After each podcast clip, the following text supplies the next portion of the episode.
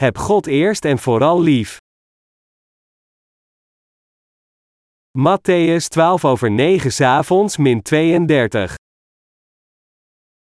En Jezus ging in den tempel Gods, en dreef uit allen, die verkochten en kochten in den tempel, en keerde om de tafelen der wisselaars, en de zitstoelen durkenen, die de duiven verkochten. En hij zeide tot hen: Er is geschreven: Mijn huis zal een huis des gebeds genaamd worden, maar gij hebt dat tot een moordenaarskuil gemaakt. En er kwamen blinden en kreupelen tot hem in de tempel, en hij genas dezelve. Als nu de overpriesters en schriftgeleerden zagen de wonderreden, die hij deed, en de kinderen, roepende in de tempel, en zeggende, Hosanna den zonne Davids. Namen zij dat zeer kwalijk, en zeiden tot hem, hoort gij wel, wat deze zeggen?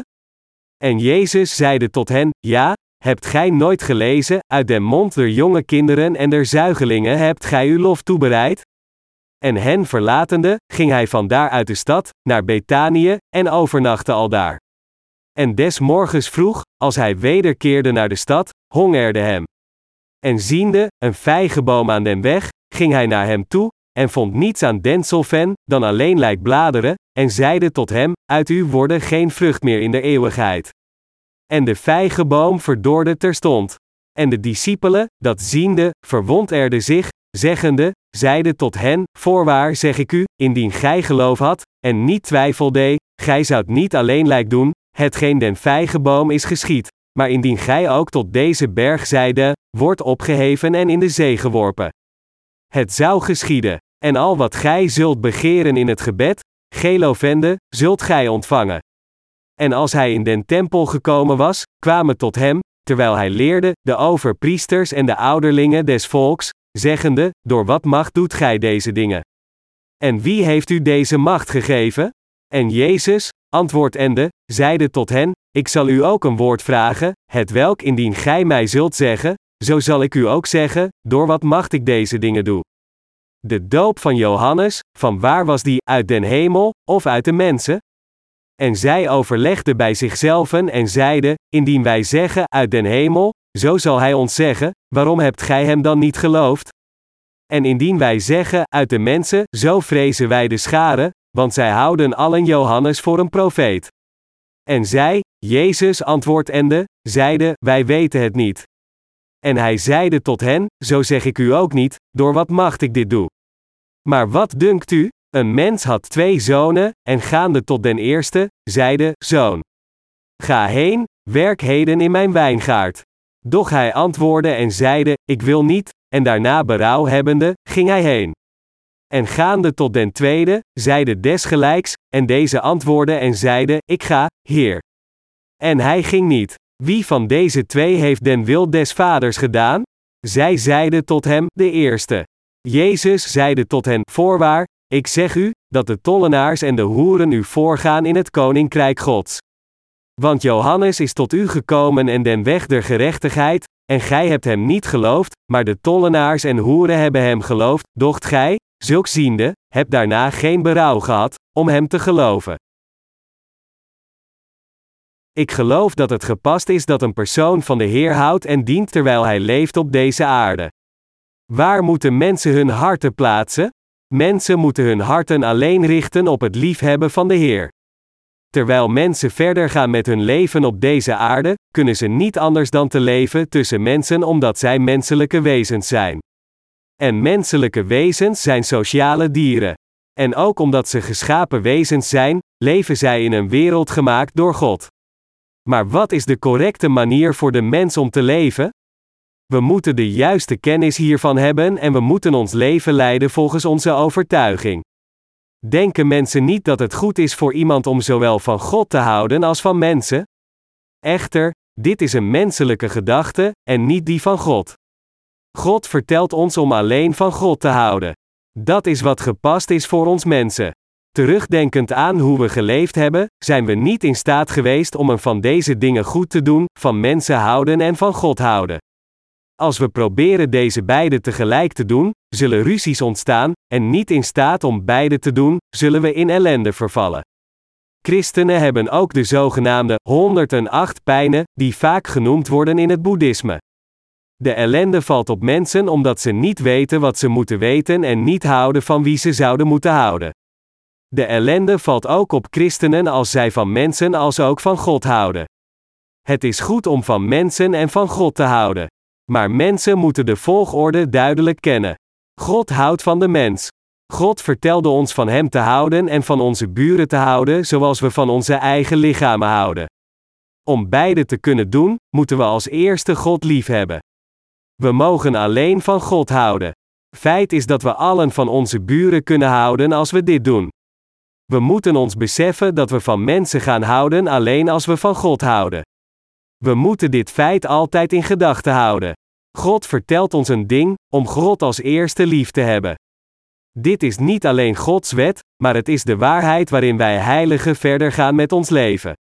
De waarheid is dat zelfs als we de zaligmaking ontvangen, wij alleen van God moeten houden, en nadat we de zaligmaking ontvangen hebben, moeten we alleen van God houden. God heeft ons mensen op zo'n manier gemaakt dat wij alleen van Hem zouden moeten houden. In werkelijkheid heeft God ons voor dat doel geschapen. Het is de wet van God dat de heiligen alleen van God houden. We moeten ons deze waarheid realiseren. Echter, omdat we tussen mensen leven, kunnen we de relaties met mensen niet negeren. De Heer zei: Hou van uw buren zoals u van uw eigen lichaam houdt, dus hoe kunnen we niet van mensen houden? Beste medegelovigen, als we van God houden, zijn we ook in staat om van mensen te houden. Maar als we proberen van beide tegelijk te houden, zullen we nog in staat zijn om van God te houden, nog in staat zijn om van mensen te houden. Er is een spreuk die zegt: als iemand probeert om twee konijnen te vangen, zal de persoon falen om zelfs een te vangen. Jagend op een konijn en dan de andere kant op jagend om een ander konijn te vangen, zo zal men beide konijnen verliezen. Voor ons is het geloven en volgen van God hetzelfde. Dit spreekwoord is een buitengewoon eenvoudig verhaal, maar het is een buitengewoon eenvoudige waarheid. Het wordt zelfs in de geschrifte passage van vandaag verteld die wij gelezen hebben, en het is eigenlijk van toepassing op de levens van ons heiligen. Als dit deel niet duidelijk wordt in onze levens van geloof, als we ons niet aan deze ijzeren wet houden, en als we ons dit niet als waarheid realiseren, dan zal ons geloof worden gedegradeerd, en we zullen alleen pijn lijden tussen God en mensen. Het is logisch om te zeggen dat het leven van geloof dan geen vreugdevol leven is sinds er alleen ellende is. Is dit niet zo voor diegene van wie het leven van geloof moeilijk is? We lijden pijn om geen andere reden dan dat. We lijden pijn als we twijfelen over de vraag: moeten we eerst en vooral God liefhebben of moeten we eerst de wereld en de mensen liefhebben? Echter, als u oprecht van anderen wilt houden, moet u als eerste weten dat het gepast is om alleen van God te houden. Ik bid dat u alleen van God houdt, door dit te doen, zullen we van anderen houden, en in ruil daarvoor zullen zij gelukkig worden. Alleen als we van God houden, worden de mensen waar wij van houden gelukkig. Begrijpt u dit? Om deze reden moeten u en ik alleen van God houden. We moeten weten en geloven dat het gepast is om alleen van God te houden, en dan een leven van geloof leiden. Ik zou graag met u willen praten over dit onderdeel. Als we naar de geschrifte passage van vandaag kijken, ging Jezus de tempel in. Zij zongen lof, Hosanna den zonne Davids. Gezegend is hij, die komt in den naam des Heren. Hosanna in de hoogste hemelen. Matthäus 21 op 9. Jezus ging Jeruzalem binnen zittend op een ezel. Hij verdreef iedereen uit de tempel die kochten en verkochten gooide de tafels van de geldwisselaars om en de stoelen van diegenen die duiven verkochten. En hij zei tegen hen: Er is geschreven: Mijn huis zal een huis des gebeds genaamd worden, maar gij hebt dat tot een moordenaarskuil gemaakt. Matthäus 13 over 9 s'avonds. Jezus ging de tempel van God binnen en gooide de tafels en de stoelen van de geldwisselaars en de duivenverkopers om. Jezus schopte tegen de tafels en stoelen van de venters en maakte een zweep van touwen, en verdreef de koeien en schapen. Hierna pakten de venters hun spullen en renden verbluft en bleek weg. Van deze passage leren we dat Jezus alleen van God de Vader hield. Hij zei: Mijn huis is een huis van gebed. Mensen die oprecht in God geloven moeten alleen van God houden. Alleen dan geeft God alles aan hen. Dit is de manier om zegeningen te ontvangen. Maar de mensen verzamelden eerst hun eigen winsten uit de tempel. Ze verkochten duiven en schapen in de tempel terwijl ze zeiden dat ze in God geloofden. Deze mensen maakten winst door gebruik te maken van Gods naam. Hoe kan iemand zijn eigen profijt najagen, ongeacht Gods wil, terwijl hij zegt dat hij van God houdt? Natuurlijk, hielden zij van God. Maar het is een feit dat zij meer van de mensen en zichzelf hielden dan van God. Hiermee wil ik niet zeggen dat u niet van uzelf als ook van andere mensen moet houden. Maar alleen als we echt alleen maar van God houden, zullen we ook echt van mensen kunnen houden. Toen Jezus de tempel inging, verdreef hij al de venters. Hij genas de blinden en de kreupelen en ontving lof uit de mond van kinderen en zuigelingen. Toen verliet hij de stad en logeerde in Betanië. Buiten de stad, toen de Heer een vijgenboom zag met groene bladeren, vervloekte hij de boom. Hij ging naar de boom denkend dat hij lekkere vruchten zou dragen. Maar toen hij zag dat de boom geen vruchten had en alleen vol bladeren zat, vervloekte hij de boom door te zeggen: Laat nooit meer fruit aan je groeien. Wat betekenen al deze dingen? Als diegenen die zeggen dat ze in God geloven, liefhebben en besluiten in hun hart om alleen God te volgen, zullen de vruchten van geloof overvloedig geboren worden. Maar de passage leert ons dat God de religieuze mensen vervloekt had die zonder vruchten waren omdat zij meer hielden van de mensen in plaats van alleen van God te houden. Als mensen alleen van God zouden houden, dan zouden ze al de God gegeven zegeningen ontvangen en ervan genieten, en veel vruchten van geloof dragen. Ze zouden van andere mensen houden binnen de wet ingesteld door God. Maar dat hadden ze niet gedaan. Deze woorden zijn woorden ook gesproken naar ons. Wij de wedergeboren mensen moeten alleen God volgen. Dit betekent dat we alleen van God moeten houden.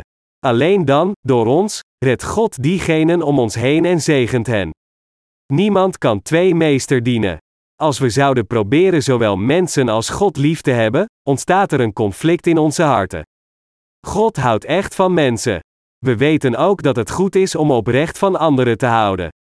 Maar God vertelt ons om alleen van Hem te houden. Feit is dat alleen dan onze liefde voor andere mensen wordt gerealiseerd.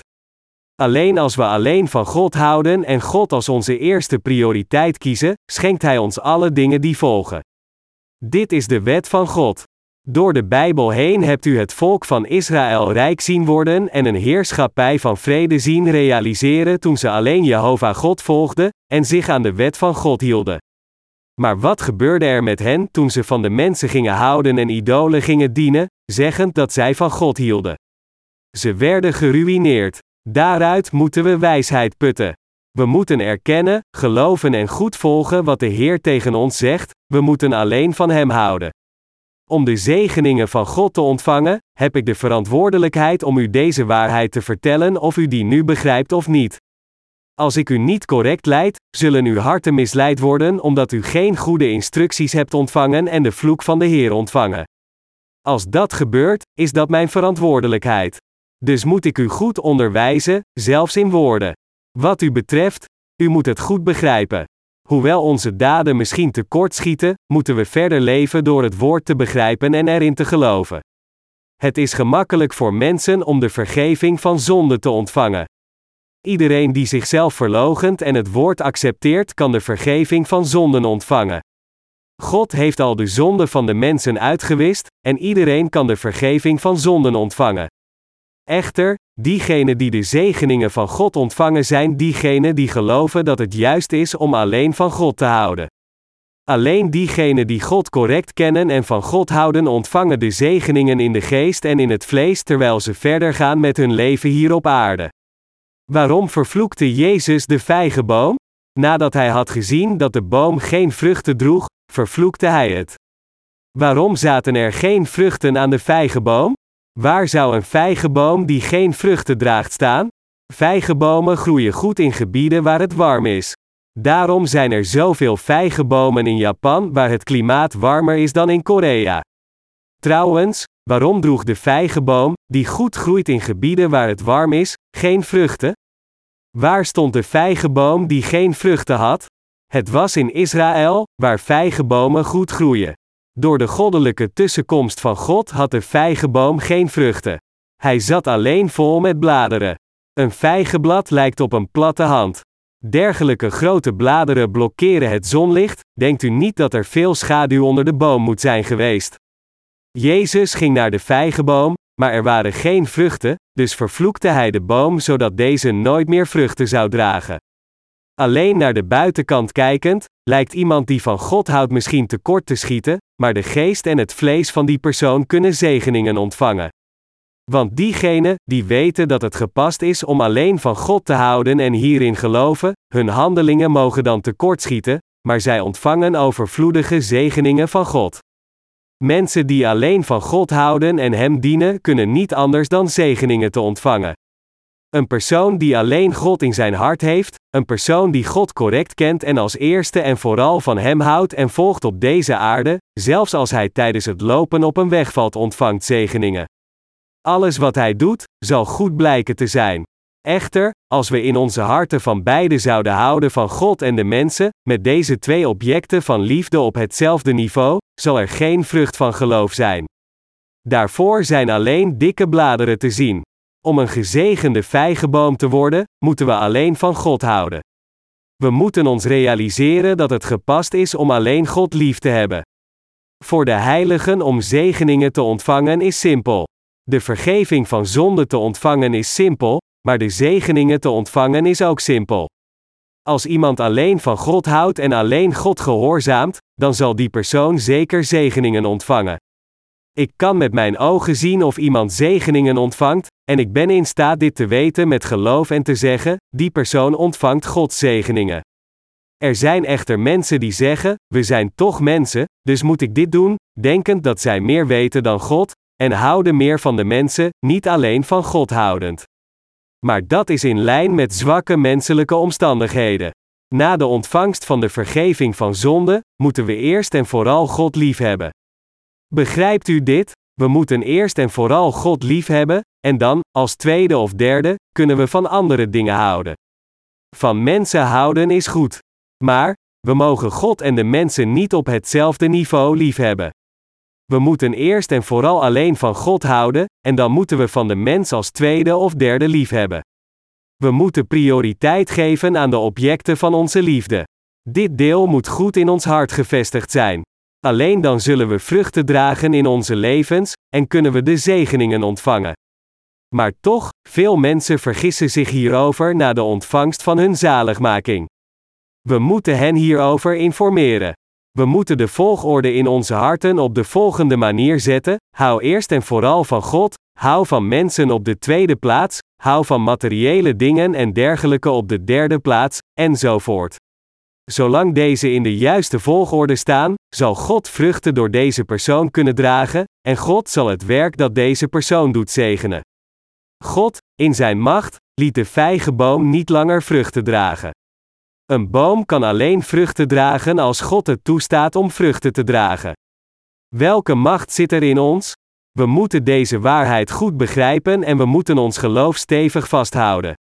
Als deze volgorde niet duidelijk in onze harten wordt gezet, ondanks dat wij de zaligmaking voor niets hebben ontvangen door halleluja te zeggen, dan kunnen we onbewust God en de mensen op hetzelfde niveau liefhebben. Daarom voelen onze harten zich verontrust. Het lijkt erop dat wij hier liefde moeten geven en daar liefde moeten geven. Beste medegelovigen, maak gewoon een klein verschil tussen uw liefde voor God en uw liefde voor anderen. Ik bid dat u weet dat het gepast is om alleen van God te houden. Ik bid dat u weet dat het juist is om een dergelijk geloof als dit te hebben.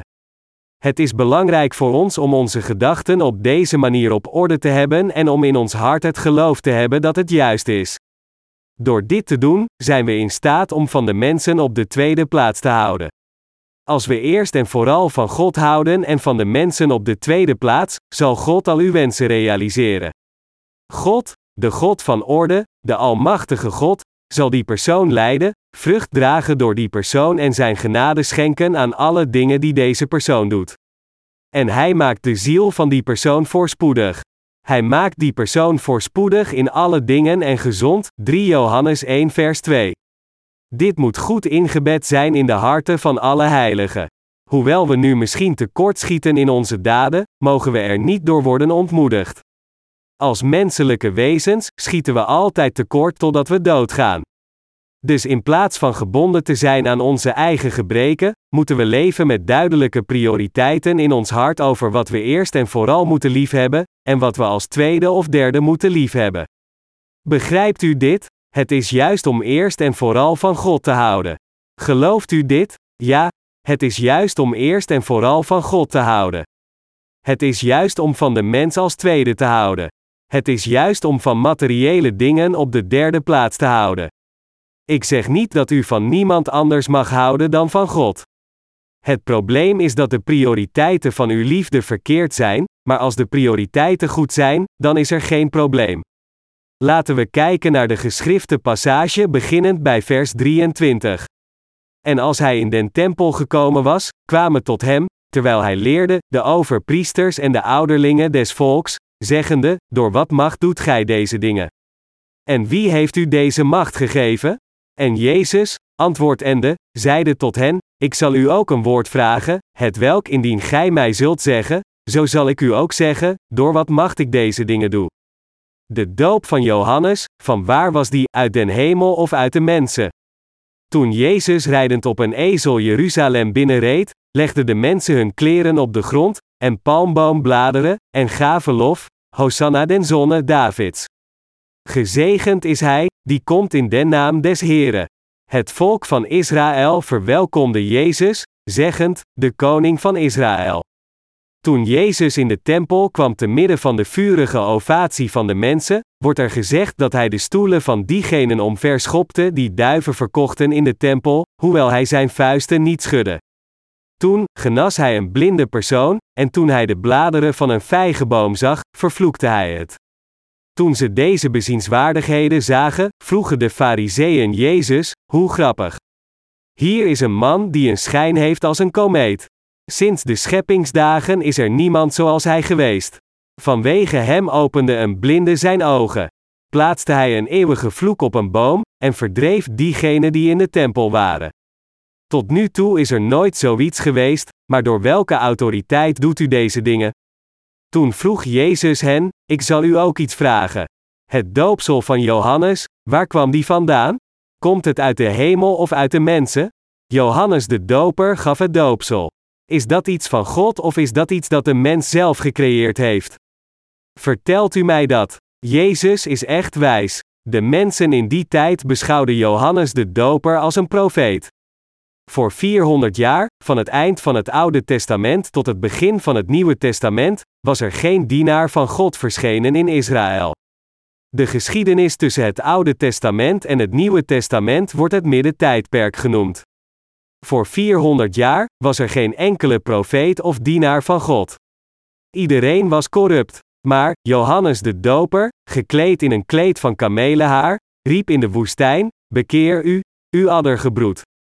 Kom hier en ontvang het doopsel. En spoedig zal Jezus Christus, de Zoon van God, al uw zonden zo overnemen. Bekeert u en geloof in het Evangelie.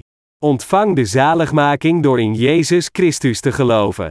Veel mensen van Israël die hem hoorden roepen, keerden hun harten weer naar God, en door weer terug naar God te keren, geloofden zij dat Jezus Christus hen spoedig van hun zonde zou redden door het doopsel te ontvangen. Dat is waarom de Fariseërs de vraag van Jezus niet konden beantwoorden. Ze konden geen antwoord geven omdat ze wisten dat Johannes de Doper een profeet was. Deze mensen zeiden dat ze van God hielden, maar omdat ze van God en de mensen op hetzelfde niveau hielden, waren ze niet in staat om te zeggen dat Johannes de Doper van God kwam. Het was de wil van God dat Johannes de Doper naar deze aarde kwam. Hij was Elia die God beloofd had om te sturen, en hij was een profeet van God, als ook de laatste hoge priester die samen met de Heer het werk van de volbrenging van heel de rechtvaardigheid van God volbracht door Jezus te dopen. Dus gaf hij mensen het doopsel, als teken van berouw, en Jezus het doopsel. Het doopsel gegeven aan Jezus was het doopsel van rechtvaardigheid. Hij was de hoge priester die kwam als afstammeling van Aaron de hoge priester. Het was heel vanzelfsprekend, maar de Fariseërs konden de vraag van Jezus niet beantwoorden: de doop van Johannes, van waar was die, uit den hemel of uit de mensen? Zoals ik al zei, konden ze niet antwoorden omdat hun liefde voor de mensen evenveel was als hun liefde voor God. Dus ondanks dat de Fariseërs wisten dat Johannes de Doper een man van God was en een dienaar van God, en het werk dat Johannes de Doper had gedaan het werk van God was, konden ze de waarheid niet als de waarheid spreken omdat ze dan de mensen zouden verraden. Dit kwam omdat ze meer van de mensen hielden dan van God. Wij zijn net als hen. Het is duidelijk dat beide zaken in onze harten zitten. Er is onze liefde voor mensen en er is ook onze liefde voor God. Maar we hebben de neiging om deze twee objecten van onze liefde hetzelfde te behandelen, zonder enige discriminatie. Vanaf dan beginnen de problemen voor ons. Het kan alleen maar een probleem zijn omdat we niet in staat zijn om te zeggen wat juist is, is goed en te zeggen wat fout is, is verkeerd. Hierdoor zijn we niet alleen niet in staat om God op de juiste manier te volgen, maar ook niet in staat om zegeningen van God te ontvangen, en we voorkomen dat diegenen van wie we houden de zegening ook ontvangen. Als we echt van mensen houden, moeten we eerst en vooral alleen van God houden. We moeten eerst en vooral van God houden, en dan van de mens als tweede. Door dit doen, zullen u en ik de zegeningen van God ontvangen.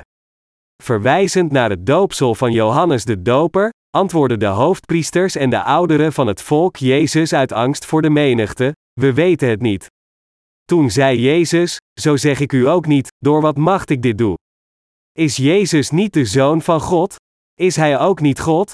Hij is zeker de zoon van God en God zelf. In het Evangelie van Johannes hoofdstuk 1 vers 1 staat: In den beginnen was het woord, en het woord was bij God, en het woord was God. In het begin, toen God de hemelen en de aarde en alles in dit universum schiep, schiep hij hen met het woord. Het woord beval, laat er licht zijn, en er was licht. Zoals vermeld in Johannes 1 vers 1, verwijst het woord naar niemand anders dan Jezus. Het vertelt ons dat Jezus Christus, de Schepper, heeft bestaan sinds de tijd dat God de hemelen en de aarde in het begin had geschapen. Het woord Christus betekent de gezalfde koning, Daniel 9 vers 25. Wie is de koning? Wie is de schepper? De koning, ook de schepper, als ook de verlosser die kwam om ons te redden is niemand anders dan Jezus Christus. Hij is onze God de verlosser. Met andere woorden, hij die God is kwam persoonlijk naar deze aarde als de verlosser om ons te redden. We hebben de zaligmaking ontvangen omdat hij ons van de zonde heeft gered. Beste medegelovigen, begrijpt u dit? Maar, veel mensen geloven niet in Jezus die God is. Ze geloven zelfs niet in Johannes de Doper als degene die van God gekomen is, dus hoe kunnen zij dan in Jezus geloven? Als Jezus had gezegd: Ik ben niemand anders dan God. Ik ben niemand anders dan de zoon van God, voor de Fariseërs, denkt u dat ze hem dan geloofd hadden? Integendeel, zij spraken slecht over Jezus, zeggend: Godslasteraar. Ze beschuldigden hem en vermoorden Jezus door valse aanklachten tegen hem te doen. Jezus had nooit een enkele zonde gepleegd, maar de titel van de beschuldiging waarmee Jezus was gestorven door de kruisiging was dat hij een godslasteraar was, dat is onbeschaamd voor God. Het volk van Israël had een aanklacht tegen Jezus ingediend. Net zoals ze zeiden, die man noemt zichzelf de zoon van God. En, hij zegt dat hij de koning is. Zo een man moet gedood worden door aan het kruis genageld te worden, vroeg Pilatus aan Jezus: Bent u echt de Christus? En Jezus zei: U sprak. Omdat hij Jezus niet wilde doden, zei Pilatus: Als u mij de waarheid vertelt, kan ik u vrijlaten, want ik heb de macht om dat te doen. Maar Jezus antwoordde: Als God u deze macht niet van boven had gegeven, zou u deze macht niet hebben. Deze woorden betekenen: Ik heb u tijdelijk deze macht gegeven om mij te kruisigen tot de dood. Maar de mensen in die tijd wisten niets over het werk dat Jezus aan het uitvoeren was. Ze konden niets over het werk dat Jezus uitvoerde weten omdat zij net zoveel van de mensen hielden als van God, ondanks dat zij van God hielden. En dus waren ze niet in staat om het werk dat God aan het doen was te zien. Ze konden het niet weten, erin geloven, de zaligmaking ontvangen en de zegeningen van God ontvangen. Dit was omdat zij niet eerst en vooral van God hielden. In plaats daarvan hielden zij van de mensen en van God evenveel, van hen beide houdend door hen op hetzelfde niveau te plaatsen. Laten we kijken naar de passages in Matthäus 2 voor half tien s'avonds min 32. Maar wat dunkt u? Een mens had twee zonen, en gaande tot den eerste, zeide: Zoon, ga heen, werk heden in mijn wijngaard. Doch hij antwoordde en zeide: Ik wil niet, en daarna berouw hebbende, ging hij heen. En gaande tot den tweede, zeide desgelijks, en deze antwoordde en zeide: Ik ga, Heer. En hij ging niet. Wie van deze twee heeft den wil des vaders gedaan? Zij zeiden tot hem, de eerste. Jezus zeide tot hen: Voorwaar, ik zeg u, dat de tollenaars en de hoeren u voorgaan in het koninkrijk Gods. Want Johannes is tot u gekomen in den weg der gerechtigheid, en gij hebt hem niet geloofd, maar de tollenaars en hoeren hebben hem geloofd, doch gij, zulks ziende, hebt daarna geen berouw gehad, om hem te geloven. Het is goed voor ons om eerst en vooral alleen van God te houden. Als we eerst en vooral alleen van God houden, kunnen we duidelijk het werk dat God doet zien. Als we eerst en vooral van God houden, worden onze harten vredig en op orde gebracht en kunnen we God volgen. We zullen in staat zijn de zegening van God te ontvangen. De houding van onze harten moet ook zo worden. We mogen dan zwak en gebrekkig zijn, maar onze harten moeten duidelijk eerst en vooral alleen van God houden. We moeten als tweede van de mensen houden.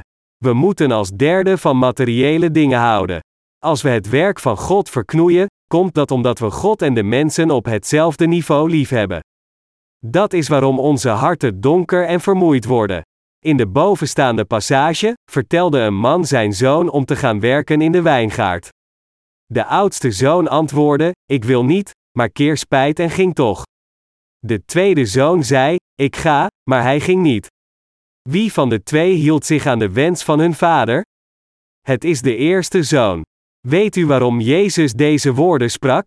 Wij zijn diegenen die evenveel van God en de schepping hielden. Wij waren diegenen die geen prioriteiten hadden. Maar met deze parabel vertelt de Bijbel ons dat het eerste kind gelijk had. Hoewel de tweede zoon ja zei, deed hij niet wat hem gevraagd werd. De eerste zoon zei nee, maar kreeg spijt, kwam terug en deed het werk. We zijn niet correct voor God geweest. We hielden van God en de mensen evenveel. Ondanks dat we wisten dat het gepast is om eerst en vooral alleen van God te houden, hebben we dat niet gedaan. Hoewel we in eerste instantie niet gehoorzaamden zoals de eerste zoon, moeten we nu het woord van de Vader gehoorzamen door berouw te hebben en meteen terug te keren. Het is goed om eerst en vooral van God te houden en van de mensen op de tweede plaats. God spreekt over de zaligmaking die Hij ons gegeven heeft, maar Hij spreekt ook over wat voor een soort persoon de weg van Zijn gerechtigheid binnengaat, Zijn zegen ontvangt en door Hem wordt goedgekeurd. Sinds de schepping waren veel mensen niet in staat de zaligmaking te ontvangen omdat zij van God en de mensen evenveel hielden of meer hielden van de mens dan van God. Ze hadden gered kunnen worden als zij eerst en vooral van God hadden gehouden, maar ze waren niet in staat de gemakkelijke zaligmaking te ontvangen omdat zij niet van God als de hoogste prioriteit hielden. Mensen die wisten dat hun harten meer van God moesten houden en dit geloof uitdroegen ontvingen de zaligmaking ondanks dat hun handelingen dit niet volledig konden volgden. Waarom kunnen mensen niet de zaligmaking ontvangen? Ze kunnen de zaligmaking niet ontvangen omdat zij evenveel van God als de mensen houden. DWZ dat zij van God en de mensen op hetzelfde niveau houden. Dat is waarom de mensen niet de grote genade, de grote liefde en de grote zaligmaking gegeven door God kunnen ontvangen. Beste medegelovigen, wij waren hetzelfde. Zelfs na de ontvangst van de zaligmaking, ondanks dat we wisten dat we eerst en vooral van God moesten houden, deden we dit niet. Nu moeten we ons in ons hart bekeren. We moeten God liefhebben en begrijpen en het woord van God volgen door ons te bekeren, zeggend: het is verkeerd, en terugkeren naar wat juist is. Als we ons realiseren dat het verkeerd is van God en de mensen evenveel te houden, moeten we ons bekeren en dan hoeven we alleen maar God naar een hogere plaats te zetten en de mensen een klein beetje lager. Alles wat we dan moeten doen is eerst en vooral van God te houden. Dit is gepast. Nadat we beginnen alleen van God te houden, als we mensen zouden liefhebben zoals door God is opgedragen, zullen we de weg van Gods gerechtigheid binnengaan. Na de ontvangst van zaligmaking en het leven van gerechtigheid binnengaand, zal het zonlicht op de geest van die persoon schijnen. De persoon zal in stralende glorie kunnen leven en zegeningen ontvangen. Geliefde medeheilige, we moeten eerst en vooral God liefhebben. En we moeten ons bekeren dat we net zoveel van de mensen als van God hielden. Mensen die zich op die manier bekeerden in de dagen van Jezus waren de tollenaars en de hoeren. Jezus accepteert dergelijke nederige harten. Jezus Christus zei: Voorwaar, ik zeg u, dat de tollenaars en de hoeren u voorgaan in het koninkrijk Gods. Want Johannes is tot u gekomen in den weg der gerechtigheid, en hij hebt hem niet geloofd, maar de tollenaars en hoeren hebben hem geloofd, docht hij, zulks ziende, hebt daarna geen berouw gehad, om hem te geloven. Matthäus 1 over half 10 s'avonds min 32. Op welke manier is Johannes naar ons toegekomen? Hij kwam op een rechtvaardige manier naar ons. Johannes is gekomen om de weg van de gerechtigheid te prediken. Hij is gekomen om de weg van rechtvaardigheid dat ons oprecht maakt te prediken en ons toestaat de vergeving van zonde te ontvangen. Veel mensen volgden God door zich dit te realiseren en zich te bekeren, een deel wordend van de gerechtigheid van God. Maar de Fariseërs gelovend niet, zoals er geschreven staat, want Johannes is tot u gekomen in den weg der gerechtigheid, en gij hebt hem niet geloofd, maar de tollenaars en hoeren hebben hem geloofd, doch gij, zulks ziende, hebt daarna geen berouw gehad, om hem te geloven. Matthäus 2 over half tien s'avonds. Waarom geloofden de Fariseërs hem tot het einde niet? Dat was omdat zij net zoveel van de mensen hielden als van God. De Heer zei dat zij niet in staat waren om zich te bekeren omdat zij evenveel van de mensen hielden als van God. Zoals we heel goed weten, kwam Johannes de Doper naar ons op de weg van gerechtigheid. Hij kwam naar ons als Gods dienaar op de weg die ons rechtvaardig maakt. Op dat moment zei Johannes de Doper duidelijk: Jezus zal al onze zonden op zich nemen door het doopsel zo te ontvangen, maar deze mensen geloofden niet in zijn woorden. Waarom geloven zij niet in zijn woorden? Zelfs door naar zijn uiterlijk te kijken, was Johannes de Doper duidelijk een man van God. Mensen konden zien dat zijn woorden, ongeacht hoe iemand hem ziet, niet de woorden van een menselijk wezen waren, maar in plaats daarvan waren zijn woorden een boodschap van God. Maar waarom geloofden de mensen hem toen niet? Zij geloofden niet in de woorden van Johannes de Doper omdat zij net zoveel van de mensen hielden als van God. Bovendien, alle mensen die niet de zaligmaking hadden ontvangen waren zo. Waarom waren ze niet in staat om de zaligmaking te ontvangen? Jezus had al de zonde van de wereld uitgewist, maar waarom waren zij niet in staat om de zaligmaking te ontvangen? Alles wat ze moesten doen was het te accepteren zoals het is. Maar omdat ze geen ruimte hadden om Gods liefde in zich op te nemen, want ze hadden net zoveel van de mensen gehouden als van God, waren ze niet in staat om de zaligmaking te ontvangen. Waarom zijn wij niet in staat om de zegeningen te ontvangen na de ontvangst van de zaligmaking? Als de wedergeboren mensen niet de zegeningen ontvangen na de ontvangst van de zaligmaking, dan komt dit omdat zij niet eerst en vooral van God hielden. Anders gezegd, ze hebben net zoveel van mensen gehouden als van God, of van mensen zoals God. Als we eerst en vooral van God zouden houden en de mens op de tweede plaats, dan zal God ons zeker zijn zegen geven. Hoewel onze handelingen tekortschieten, moeten we een duidelijke lijn in onze harten trekken. God heeft ons bevolen: Gij zult geen andere goden voor mijn aangezicht hebben. Exodus 20, vers 3. Uw harten en dat van mij moeten als eerste naar God kijken, en dan moeten we van onszelf en van andere mensen houden als we Zijn zegeningen willen ontvangen. Als uw medeheilige wenst dat uw huishouden gezond is, uw geest goed is en uw zaken goed gaan, als u wilt dat uw geloofsleven goed gaat en uw nakomelingen gezond zijn, leef dan goed voor God in alle eeuwigheid terwijl u zegeningen ontvangt door u te verenigen met de kerk. Als we dit doen, dan ontvangen we zeker de zegeningen van God, en wij zijn niet de enigen die de zegeningen zullen ontvangen, maar ook onze afstammelingen, en mensen om ons heen ontvangen de zegeningen ook. Dit is het geloof dat alleen het woord volgt. U en ik moeten de waarheid kennen. Als we deze waarheid niet correct begrijpen, zullen we verward raken. En nog een keer, we zullen in de leugens van Satan de duivel vallen en dan hebben we geen andere keus dan aan die vloek te vervallen. Beste medegelovigen, moeten we niet bekleed worden met de genade van God om een gezegend leven te leiden. We hebben allemaal de genade van God nodig.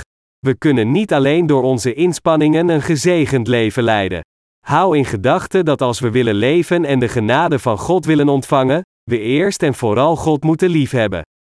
Alleen als we dit soort van geloof hebben, zullen de juiste handelingen uit ons voortkomen, en we zullen doorgaan met leven in genade voor God in alles wat we doen, al die tijd de zegen ontvangen voor God.